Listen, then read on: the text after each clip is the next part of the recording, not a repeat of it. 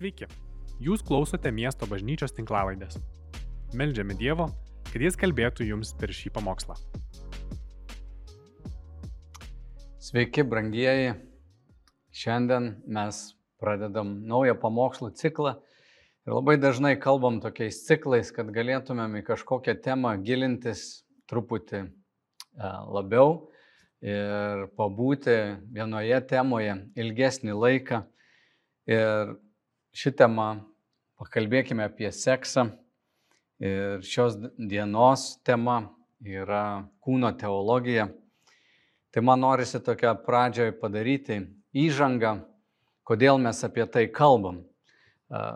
Bažnyčia turbūt na, dažnai naudoja tokią strategiją arba tylos strategiją, mes neliečiam tų temų, mažai apie tai kalbam, visuomenė keičiasi, o bažnyčios mokymas nesikeičia, todėl tarsi tai viskas savaime suprantama.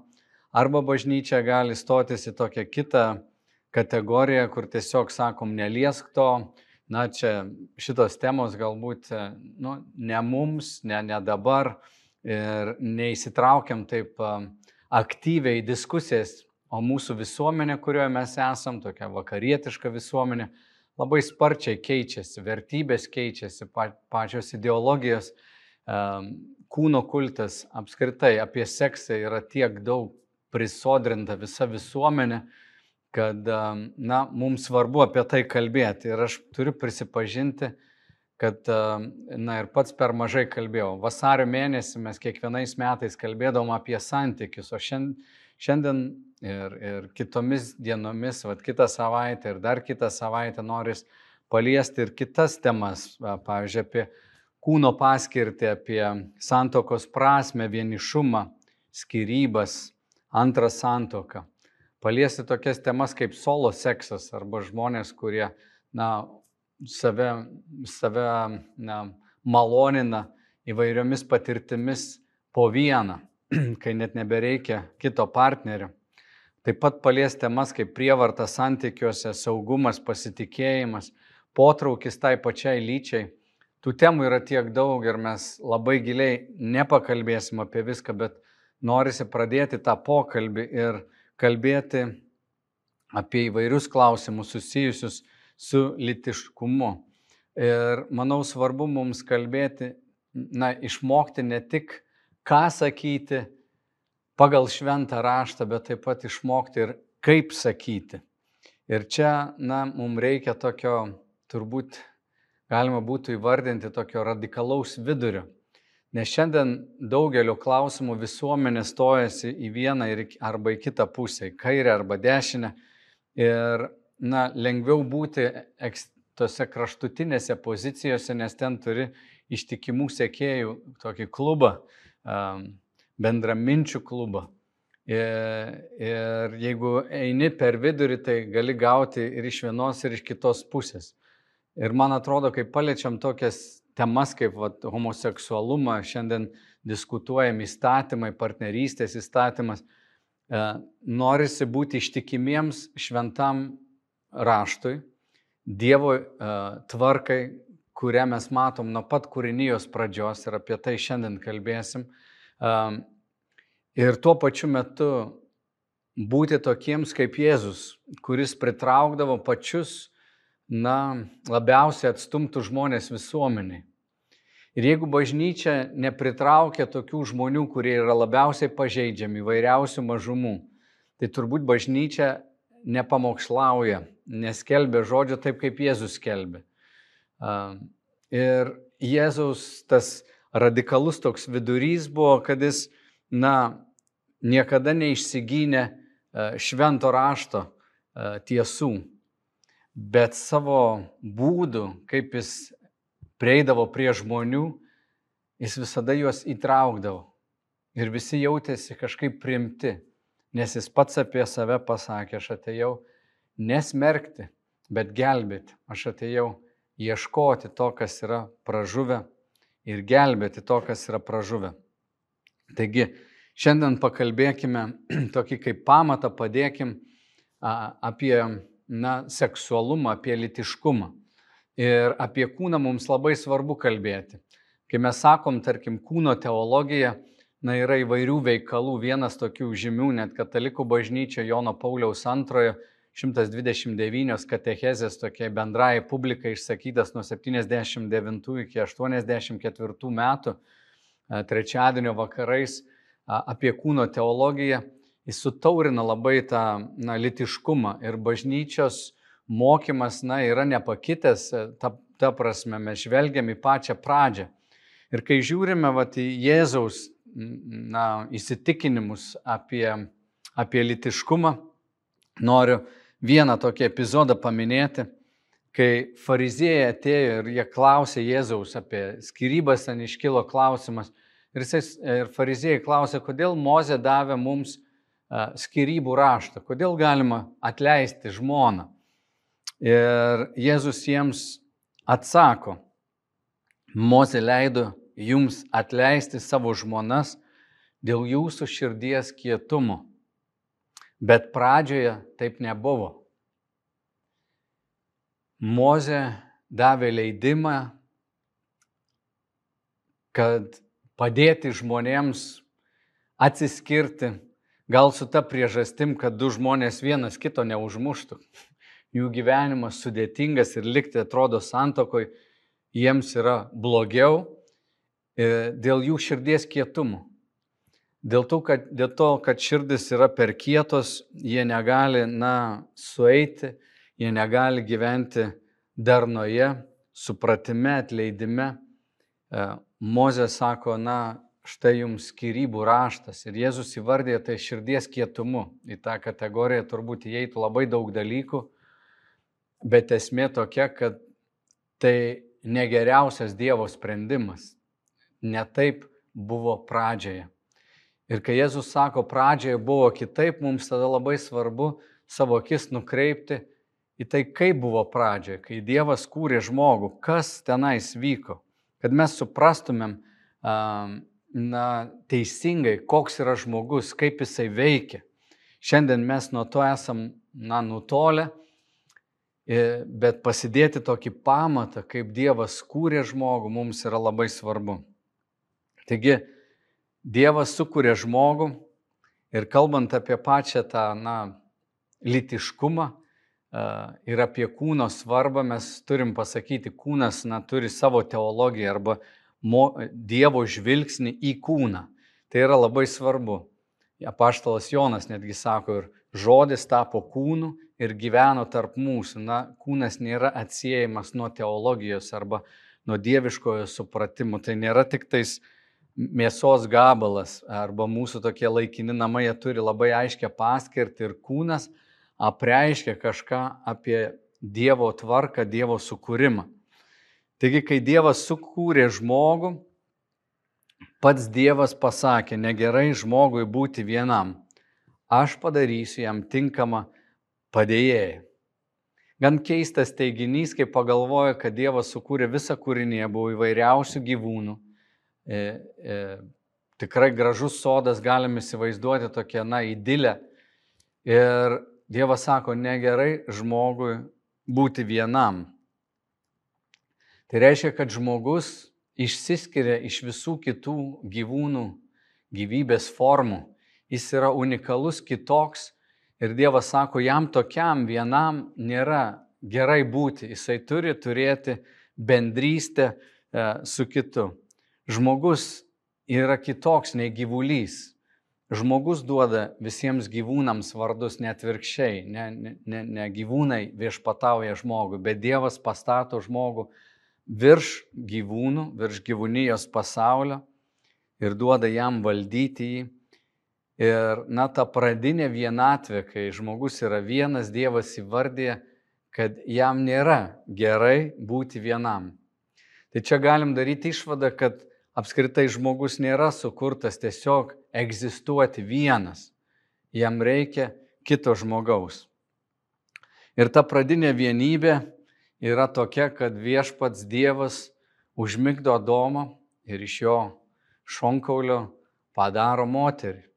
Ir kai Adomas pamato moterį, jis su džiugesiu ištarė, štai kaulas iš mano kaulų ir kūnas iš mano kūno šita bus vadinama moterimi nes iš vyro ji paimta.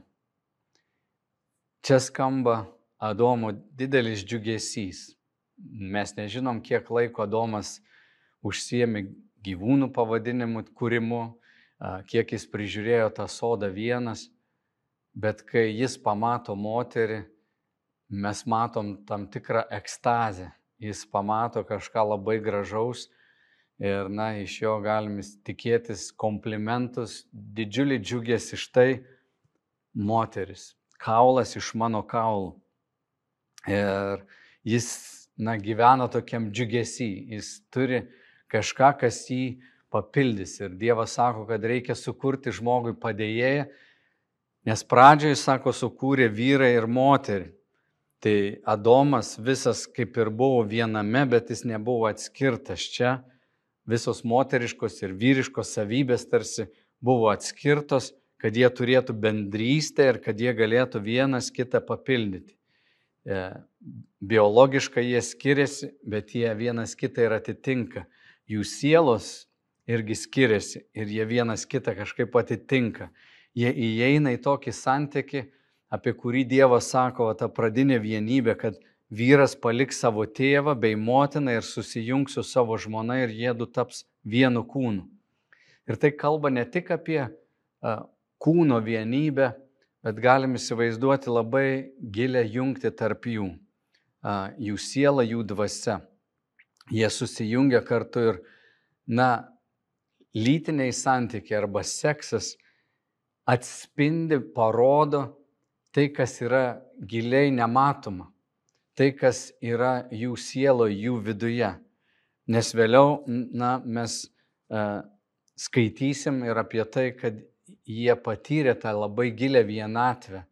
Tarp jų nebuvo jokių paslapčių, jie išgyveno na, labai didelį artumą, išgyveno tokią gilę sielos vienovę ir ji buvo matoma kūniškų pavydalų.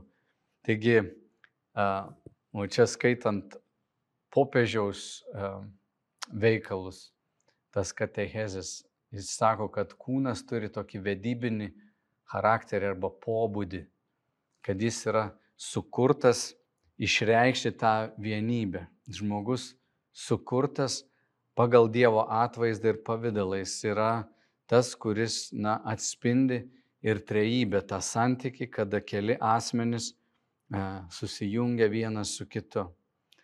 Tokia yra pradžia. Ir kai jie um, tampa vienu kūnu, mes matome tą tokią sandoros kalbą. Uh, kūnas iš mano kūno, kaulas iš mano kaulų. Ir Aš dažnai kalbėdamas su tuoktiniams, e, net per vestuves, paminiu tokį faktą, kad kai mes sakome, aš tave myliu, dažnai mes, na, paverčiam tą mūsų vienybę tokiu, man patinka tas ar anas tavyje, aš tai vertinu, mane tai traukia, aš jaučiu gilų potraukį, žavėsi tavimi ir vyras ir moteris vienas kitą žavi. Bet sandoros kalboje daug stipresnis teiginys būtų pasakyti, tu esi mano, aš esu tavo, aš atiduodu savo gyvenimą šimtų procentų, tu atiduodi savo gyvenimą šimtų procentų. Tai nėra kontraktas, tik sandoris toks 50 ir 50, mes pasiderinkim, padarykim gal netgi vedybinę sutartį kažkokią, nustatykim ribas, kiek tu gali užimti mano erdvės, kiek aš tavo kažkokias vesti dėrybas Bet tai labai gilus toks vienu, tapimas vienu kūnu. Reiškia, kad, na, tu jau esi mano ir aš esu tavo, visa, kas yra mano, yra ir tavo. Tai jau yra sandoros kalba ir man atrodo, tai yra giliau nei tiesiog pasakyti, aš tave myliu. Tai, na, paveikia visas gyvenimo sritis. Ir tai reiškia, kad žmonės sudeda savo gyvenimą pilnai, savo, savo finansus, savo sielą, savo dvasę, savo turtą savo laiką. Ir va, ta vienybė, to, toks intimumas yra kas buvo pačioje pradžioje. Nes priešingai savęs toks patenkinimas santykiuose yra aklygatvis. Jis niekada nenuves mūsų iki meilės ir tokios laimės, kurios mes labai taip ilgimės. iš tiesų mes turime tapti dovana kitam asmeniui. Tas dovanojimas savęs yra Dievo išraiška trejybėje. Trejybėje trys asmenys, jie tarsi šoka e, absoliučioj tokioj darnoj vienas kitam dovanodami save.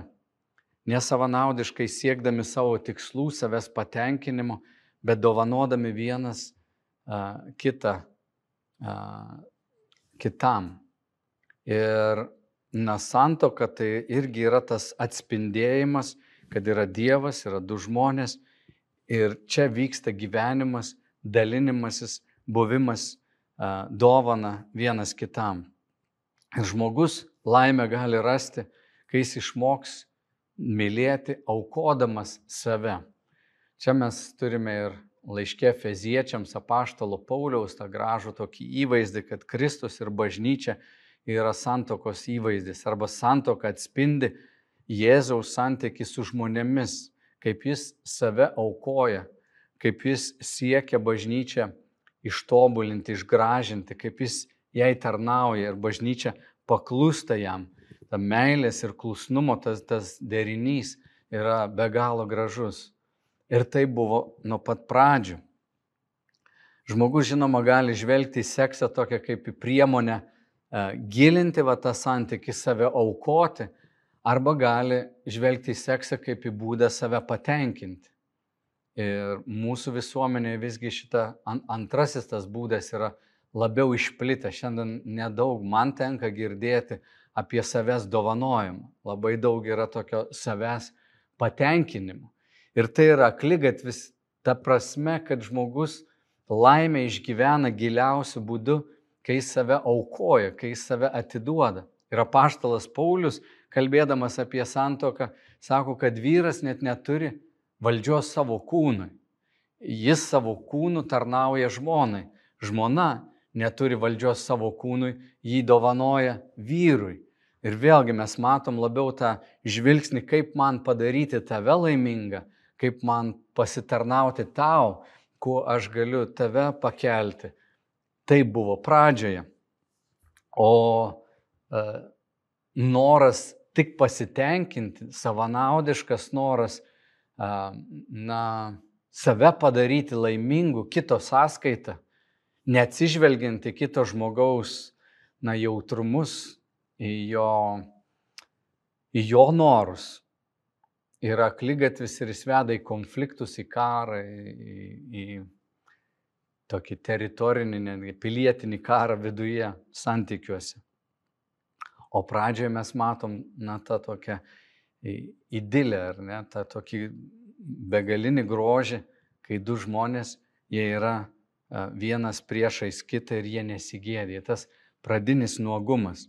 Pradžios knygos 2.25 sako, jie abu, žmogus ir jo žmona, buvo nuogi, tačiau nesigėdėjo. Man tai vienas gražiausių paveikslų. Jis toks paprastas, tas sakinys toks paprastas. Jie abu, žmogus ir jo žmona, buvo nuogi, tačiau nesigėdėjo. Vėlgi, kai kalbam apie nuogumą, žinoma, tai nėra tik tais toks, na, man negėda, gali žmogus neturėti jokios sąžinės, e, šiaip didžiuoti savo kūnu ir jis gali nuogas gatvėm vaikščioti, tokių irgi yra ir jisai sako, o žiūrėk, žmogus eina nuogas ir jis nesigėdė. Tačiau čia ne tik apie tokį nesigėdėjimą kalbama, bet apie na, buvimą to vienu kūnu, kad tarp jų nėra paslapčių, nėra baimės. E, gėdos jausme visada bus baimės elementas, kad aš išgyvenu gėdą, aš bijau kito žmogaus, aš negaliu jo lengvai prisileisti, aš nesijaučiu saugus. O kūno nuogumas rodo į tokį gilesnį vidinį nuogumą, atvirumą dalintis viskuo. Jie suprato savo na, kūnų tą vedybinę tokią prasme, gebėjimą išreikšti meilę savo kūnų ir bendrystę, buvimas vienu kūnu. Ir tarp jų nebuvo nieko, nebuvo nuodėmės, nebuvo savanaudiškumo ir žmogus galėjo, na, suvaldyti savo aistras ir geismus. Ar įsivaizduoji tokią būseną, kai, na, tu gali save suvaldyti, tavęs neveda geismas, jis nepaverčia tavęs kaip gyvuliu, Atvirkščiai, tu save dovanoji, tu išgyveni tą meilę, didžiausią malonumą, kai matai kitą laimingą ir jam tarnauji. Taip buvo pačioj pradžiai. Toks buvo pirmasis Dievo sumanimas. Taip Dievas sukūrė santoką, santokinį tokį gyvenimą. Ir turbūt grožis dar galim įsivaizduoti, kad Adomas žvelgdamas į Jėvą, na, matė ją Dievo akimis, nebuvo dar nuodėmės. Jis matė Jėvą ne tik kaip objektą, na, kažkokį, ką šiandien, va, na, kokia pornografija, jinai paverčia moteris tiesiog tokiais sekso objektais, nužmogina, ten tu nematai nei vardo, nei istorijos, nei giminystės ryšių, nei, nei pomėgių, nieko. Tai yra tiesiog kūnas, kuriuo, na, tu, kitas turėtų pasimaitinti, pamaitinti savo lytinę apetitą. Kai Adomas žvelgia į Dievą, jisai matė ją Dievo akimis, matė tą visą grožį, jos sielos grožį, jos viltis, jos troškimus. Tai, na, toks švelnus prieimas, visiškai pagarbus. Dievas, kuris yra meilė, jisai visada norės pakelti žmogų, apvalyti jį, tokie padaryti, na, gražų, leisti jam atsiskleisti, gyventi tam potencialę, kurį Dievas yra numatęs. Mes matom tam naujam testamente, kur pasakyta, kad mes esam Dievo šedevras, sukurti geriems darbams Kristuje Jėzuje. Dievas numatė kažkurios darbus prieš pasaulio sukūrimą. Čia jau kalbam apie atstatymą to, kas po to buvo sugriauta. Bet pradžioje Adomas mato Jėvą ir Jėva mato Adomą Dievo akimis. Jie vienas kitą priima kaip dovana ir dovanoja e, save kitam. Ir ten, kur yra abipusė meilė, pasišventimas, dovanojimas, ten nėra gėdas. Bet paskui matom pokytį, kai žmogus yra sugundamas tapti nepriklausomu nuo savo gyvenimo šaltinio, nuo kurėjo. Ir pats nori tapti kaip Dievas. Ir Jėva ir Adomas nusideda mes matom didžiulį pokytį. Dievas įvardė, kad jeigu jūs pavalgysit nuo gėrio ir blogio pažinimo medžio, jūs mirtimi mirsite, kažkas jumise numirs. Kas buvo gyva, gal, kas teikia energiją, taps mirtimi, taps na, sugėdimo priežastimi jūsų viduje. Ir kai jie nusideda, jie išgyvena gėdą. Jie nebemato vienas kitą Dievo akimis, ateina tam tikra tamsa. Ir čia pirmieji tie pokalbiai, kurie įvyksta, jau yra vienas kito kaltinimas. Kai Dievas paklausė, Adomai, kodėl tu valgiai, jisai pradeda kaltinti žmoną, žmona Jėva, jinai pradeda kaltinti gyvatę, kuris sugundė. Ir mes matom na, visišką santykio tokį uh, griuvimą. Ir tai jau primena mūsų tikrovę. Čia jau mes keliamės tarsi į tą tamsą, į tą įtampų pasaulį, kuriame mes gyvenam. Sužeidimų, mirties, įtampų, nesuvokimų, neiškumo tokia erdvė. Jie nebemato vienas kito kaip Dievo kūrinio ir dovanos. Nuodėmės bausmė žmogui yra aklumas.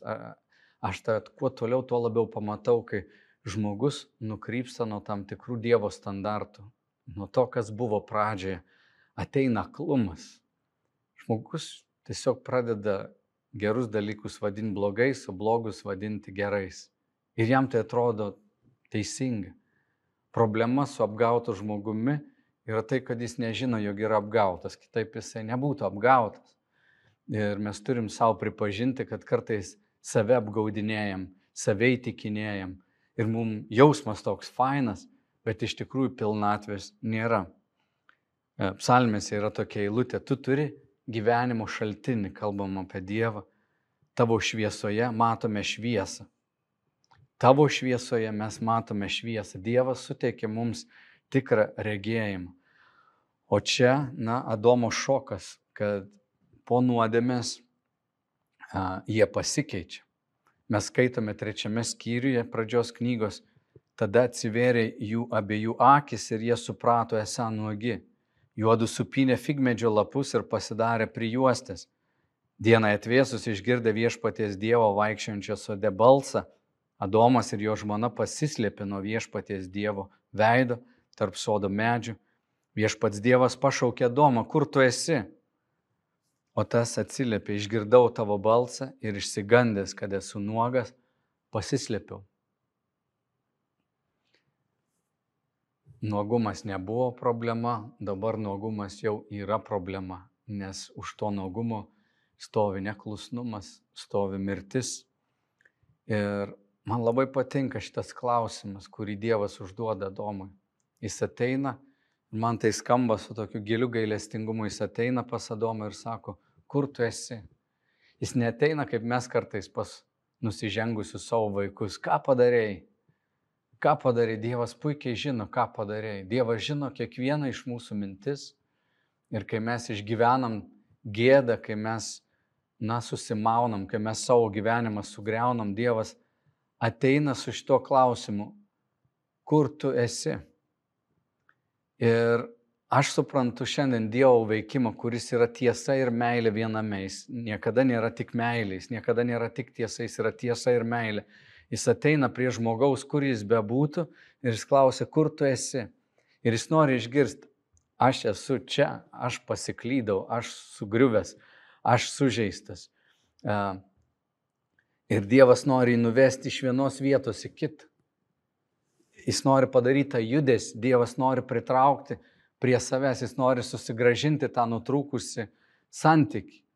Ir šiandien, kai mes paliečiam įvairiausius sužeidimus, įvairiausias, na, patirtis, kurias turim, kurios mus yra sužeidusios, litiš, litiškumas, kuris yra pažeistas, nesaugumas, prievarta patirta, priekabiavimas ar, ar, ar kokios bebūtų seksualinės tokios nuodėmės, Dievas ateina su tuo klausimu, pas mus, sakydamas, kur tu esi. Ir jis nori pakviesti mus. Nepasmerkti ir pasakyti, ką tu padarėjai, bet pritraukti. O čia mes matom na, pakitusią tikrovę Adomo gyvenime. Jis jau nebesuvaldo savo instinktų, savo apetitų. Um, jis tampa truputį kaip gyvulys. Gyvūnai, jie, jie, jie tiesiog gyvena instinktais, jie, jie nori daugintis, jie dauginasi, jie uh, nori valgyti, jie ieško valgyti, jiem duodi per, per snukį, jisai kanda, jisai na, neturi galimybės reflektuoti, apmastyti, bet žmogus tai gali padaryti. O čia šita na, pradinė vienybė yra suardoma ir mes matom, kad demon, de, dominuojanti emocija yra baime ir dominuojanti strategija yra slėpimasis.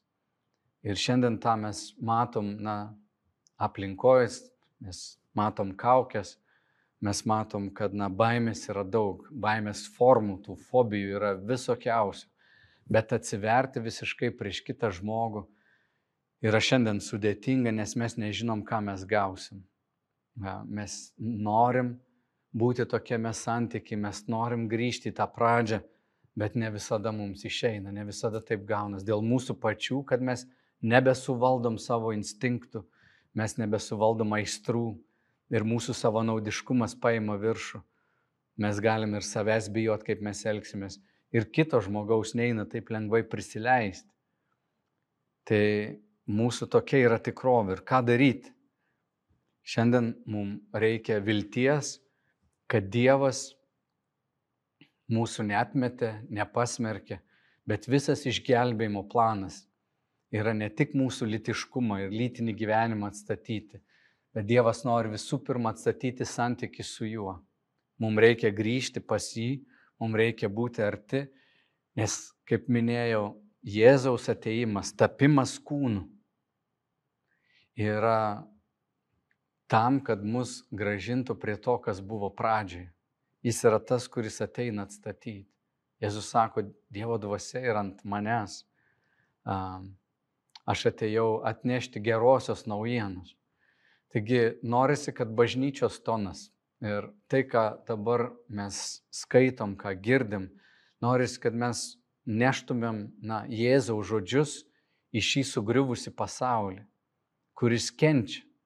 Ir kai kurie na, žmonės, kurie išgyveno baimę, išgyveno atstumimą, kartais yra labai pikti, net agresyvūs, net, net kenkiantis kitiems, kaip sužeistas gyvūnas koks, kaip, kaip šuo, kurį visą laiką mušia. Kai kurie yra labai pikti ir, ir sunku pasieteiti, sunku net na, prieiti ir diskutuoti, kai kurie palėti kokias nors temas sudėtingesnės ir įskandai, spuola. Ir šiandien visuomenėje mes matom tą karą.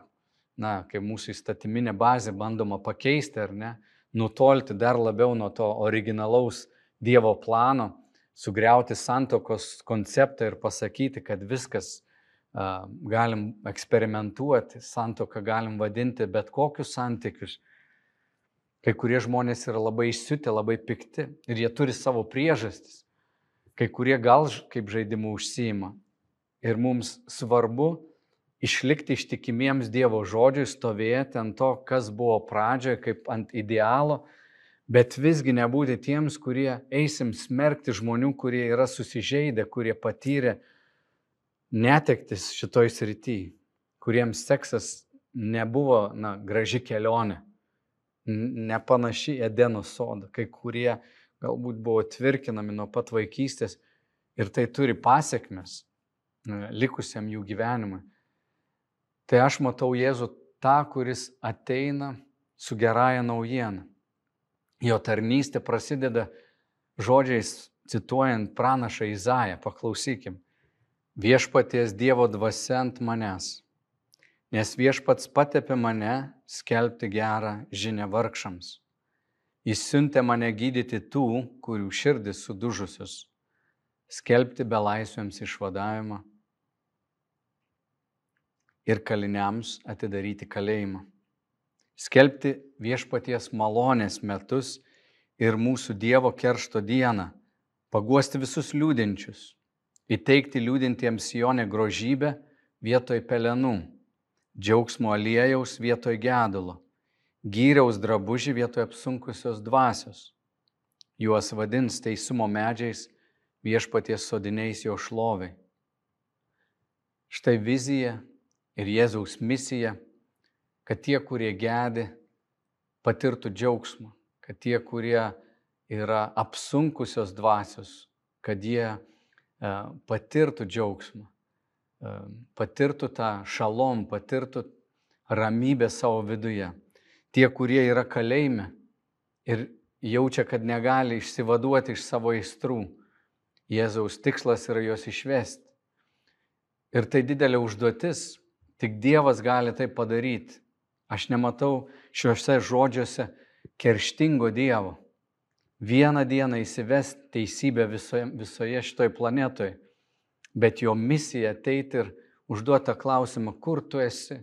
Žmonėms, kurie yra na, prispausti, kurie yra kalėjime, jis nori juos išvesti, atvesti arčiau, atstatyti. Tie, kurie buvo sužeisti, išgydyti juos.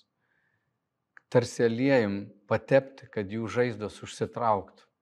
Ir tokia bažnyčios misija - skelbti gerą žinę, Jėzaus pasakytais žodžiais tos malonės viešpaties metus. Tai yra duoti žmonėms, ko jie nenusipelnė. Duoti Dievo gerumą, duoti Dievo dovaną. Ir na, toks turi būti ir mūsų skelbimas šitos žinios, visgi išliekant ištikimiems Dievo žodžiai. Tai šitoje aplinkoje, kurioje mes augam, kur seksualumų pripildyta viskas, nuo, nuo, nuo parduotuvių iki na, vaizdų internetinėje erdvėje, kur a, tikrai bandoma pakeisti visuomenės struktūras, įstatymus.